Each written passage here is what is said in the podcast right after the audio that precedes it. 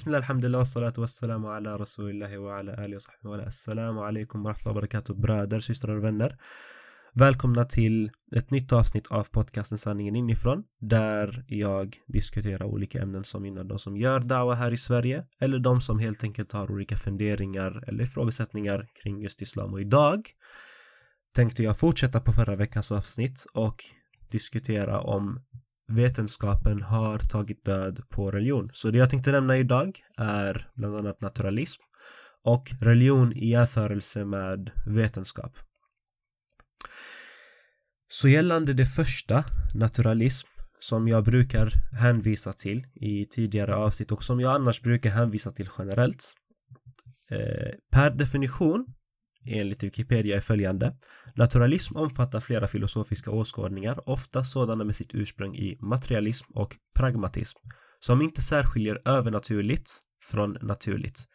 Naturalism påstår inte nödvändigtvis att fenomen och hypoteser som vanligtvis kategoriseras som övernaturliga inte existerar eller är felaktiga men insisterar att alla fenomen och hypoteser kan studeras med samma metoder. Således är någonting som anses övernaturligt, icke-existerande, okänt eller skiljer sig inte mycket från ett naturligt fenomen eller en hypotes. Helt enkelt för att kortfatt, kortfattat förklara det här. Eh, allting kan förklaras på ett naturligt sätt eller med en naturlig orsak eller grund. Och just det här är väldigt viktigt att förstå för att naturalism det är en väldigt stor faktor till en ateistisk tro eller en ateistisk världsbild eller uppfattning. Och jag, det här är någonting som jag vill egentligen nämna eh, som en av de felaktiga antaganden till eh, påståendet vetenskapen leder till ateism på förra avsnittet. Eh, det vill säga att det skulle vara fyra antaganden jag ville gå igenom. Men med tanke på att det här är väldigt det här kan man gå väldigt djupt på så vill jag ge det här ett särskilt avsnitt bara. Och eh, för det här är en ganska stor anledning egentligen. Eh, antagandet att allting kan förklaras på ett naturligt eh, sätt på ett sätt med, på ett fys på, med, med hjälp av en fysisk process det, det är ett felaktigt antagande i sig. Och det, just det här använder man för att försöka motbevisa Guds existens då. Men ateister som tror att vetenskapen motbevisar Guds existens de har ett icke-vetenskapligt antagande, vilket i sig är ganska ironiskt. Och detta antagande det är den filosofiska naturalismen, philosophical naturalism.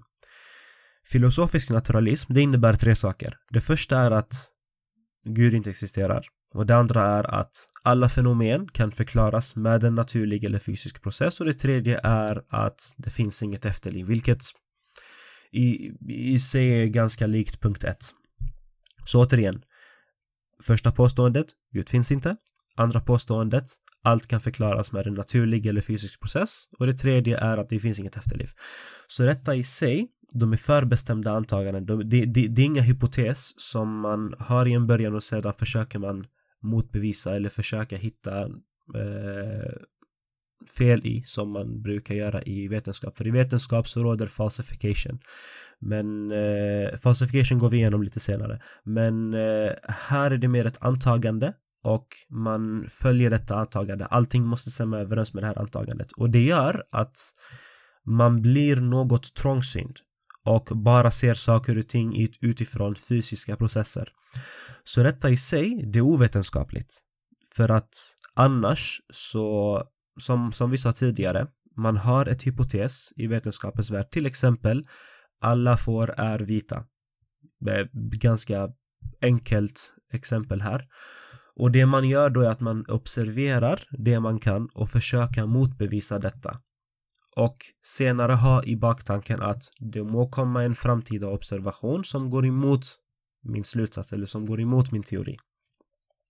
Så det finns bland annat ateister som Michael Roos som säger jag har alltid sagt att filosofisk naturalism är en form av tro. Väldigt, väldigt ironiskt för, för det här att, att en ateist säger detta en philosopher of science som påstår det här det är väldigt intressant för att du har ju ateister som eh, som anklagar religiösa genom att säga att ah, you have blind faith. Ni har helt enkelt blindtro. Ni, ni följer religion blint bara. Och här har man en kunnig ateist som är kunnig i sitt ämne och som säger nu att filosofisk naturalism i sig, det är, en, det är en form av tro och det är ju sant för att här har man också antaganden, eller också, här har man antaganden som man egentligen inte kan bevisa utan man har det bara förbestämt och genom livet så utgår man från dessa tre antaganden bara.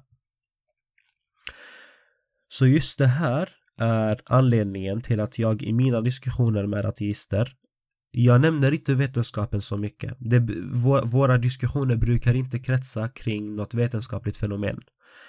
Eh, eller om en påstådd vetenskap, till exempel darwinism eller liknande, om det motbevisar Guds existens, utan det vi diskuterar mest, det är de antaganden som ligger bakom en ateistisk tro. Sen finns det en annan sida till naturalismen också. Det är metodologisk naturalism, methodological naturalism. Och det betyder helt enkelt att det finns att, att en, för att en vetenskaplig slutsats ska betraktas som vetenskaplig eller ska ses som vetenskapligt den bör inte hänvisa till något som är övernaturligt. Det, bör, det, det får absolut inte hänvisa till Gud till exempel. I själva verket, det är inte något problem för oss gudstroende eller lite mer specifikt för oss muslimer.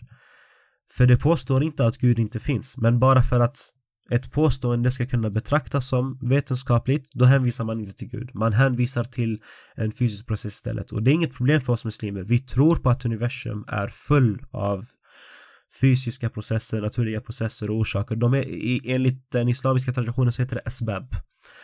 Uh, eh, vi tror att det, Gud behöver inte göra någonting på ett direkt sätt. Han kan orsaka det på ett indirekt sätt. Därmed asbab då.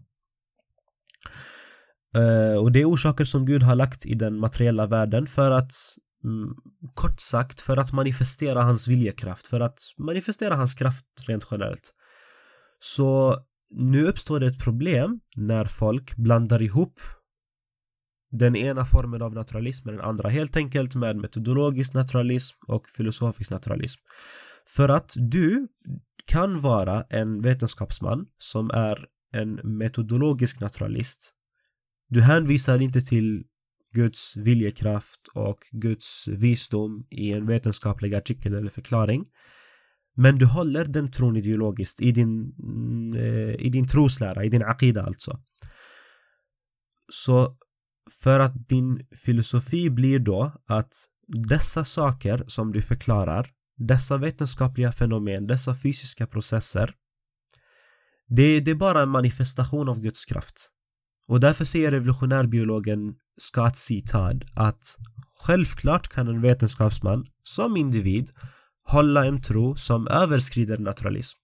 Och, här, och självklart för att mm, poängtera här menas metodologisk naturalism. Filosofisk naturalism, det är, det är självklart emot eh, tron på Gud och det har vi redan diskuterat. Så för att sammanfatta, kan vetenskapen leda till ateism? Helt enkelt nej. Det går inte, det kommer inte gå.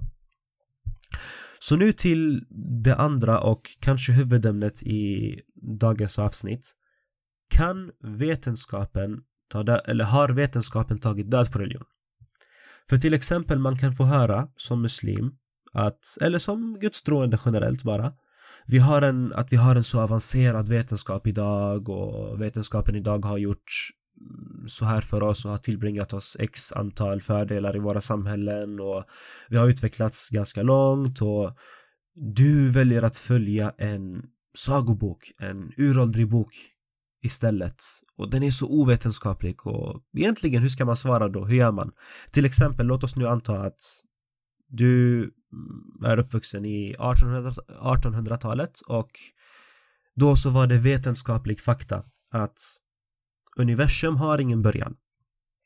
Universum har existerat för evigt och därför behöver den ingen skapare. Hur, hur resonerar man egentligen? För att det man, det man egentligen hade kunnat sagt då det är att man kan man, man praktiskt instämmer med den slutsatsen. Praktiskt så kan man hålla med den här slutsatsen som ett resultat av människans begränsade observationer eller den, den begränsade faktorn hos människan. Och att det är det bästa vi kan komma fram till för tillfället men vi behöver inte acceptera det här som en absolut sanning. Vi behöver inte tvinga in det här i vår troslära eller vår filosofiska världsbild egentligen. Men den stämmer i form av att den är praktisk för tillfället. Samtidigt kan man acceptera Koranens motsvarighet i form av att den är absolut sann, i form av att den kommer från en absolut sann källa. Därför kan man egentligen inte säga att vetenskapen motsätter religion eller är en motsägelse till religion, åtminstone från en muslimsk synvinkel. För att den ena är mänsklig kunskap och den andra är gudomlig kunskap. Det här exemplet jag tog med att eh, universum har ingen början eller att man hade den synen i 1800-talet, det här är bara ett exempel. Det här kan du egentligen applicera på varenda mm, vetenskapliga teori som sägs gå emot eh, tron på Gud eller sägs gå emot Islam. Det, det är absolut ingen fara att anamma båda helt enkelt. För att, som vi sa, den ena observerar eh, den lilla bildpunkten och ger en ganska bra förklaring. Men den andra ger dig en helhetsbild och en djup bild eller en djup förklaring på hela bilden. Man kan respektera båda, man kan adoptera båda. Och eh, den ena vetenskapen alltså, den är praktisk. Den ger den bästa förklaringen vi har hittills men den kommer från en förändringsbar källa. Vi som muslimer tror helhjärtat att Koranen kommer från en oförändringsbar källa, från en absolut sann källa. Så nu kanske kommer frågan, men hur vet du att Koranen är absolut sann? Hur vet du att eh, Gud faktiskt sände ner Koranen? Det var inte någon mänsklig eh, påhitt. Det kan vi ta i nästkommande avsnitt egentligen. Men för tillfället, rent praktiskt, det är absolut inga problem att anamma båda. Så vetenskapen kan inte heller ta död på religion. Eh, till exempel, jag var inne sedan tidigare på eh, darwinism och just med detta sagt, jag förstår inte varför muslimer idag tror att darwinism är ett så superstort problem för islam och det bör motverkas med alla medel och det bör lösas så fort som möjligt. Eller till exempel varför vissa biologilärare fokuserar mest på de muslimska eleverna för att få dem till varje pris att tro att darwinism är absolut fakta. För det räcker egentligen att förstå en sak. Vetenskapen är som, som vi har sagt gång på, på gång i den här podcastserien. Vetenskapen den är, den är förändringsbar. In, om 50 år så kan en väldigt, väldigt stark vetenskaplig teori vara absolut nonsens. Och det har darwinister själva sagt. Ateister själva har sagt det här. Det, jag ser inte problematiken här egentligen. Och samtidigt, man kan adoptera båda. Man kan ha en man, metodologiskt sett så kan man förhålla sig till darwinism eller följa darwinism och på ett filosofiskt sätt säga att okej, okay, det här, den här har vissa begränsningar. Det finns eh, felaktiga antaganden och det finns eh, oenigheter i en akademisk nivå och det finns samtidigt eh, begränsningar. Basically, inget mer än det där. Så bara för att avsluta detta Vetenskapen är inte en attack mot religion. Vetenskapen tar inte död på religion, absolut inte. Det som attackerar religion däremot, det är medier. Eller om man nu får gå in lite djupare, lazy journalism. Det är, det, det är helt enkelt för att plocka fram en rubrik. Inget annat.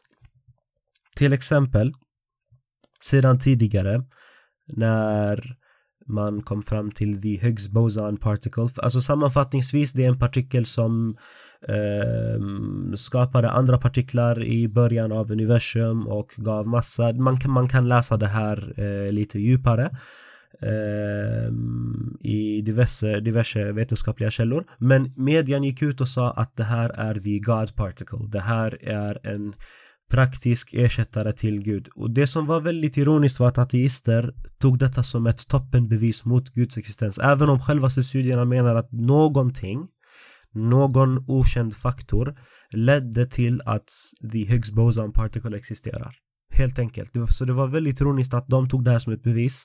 Och det som var ännu mer chockerande är att flera gudstroende började tvivla på sin tro.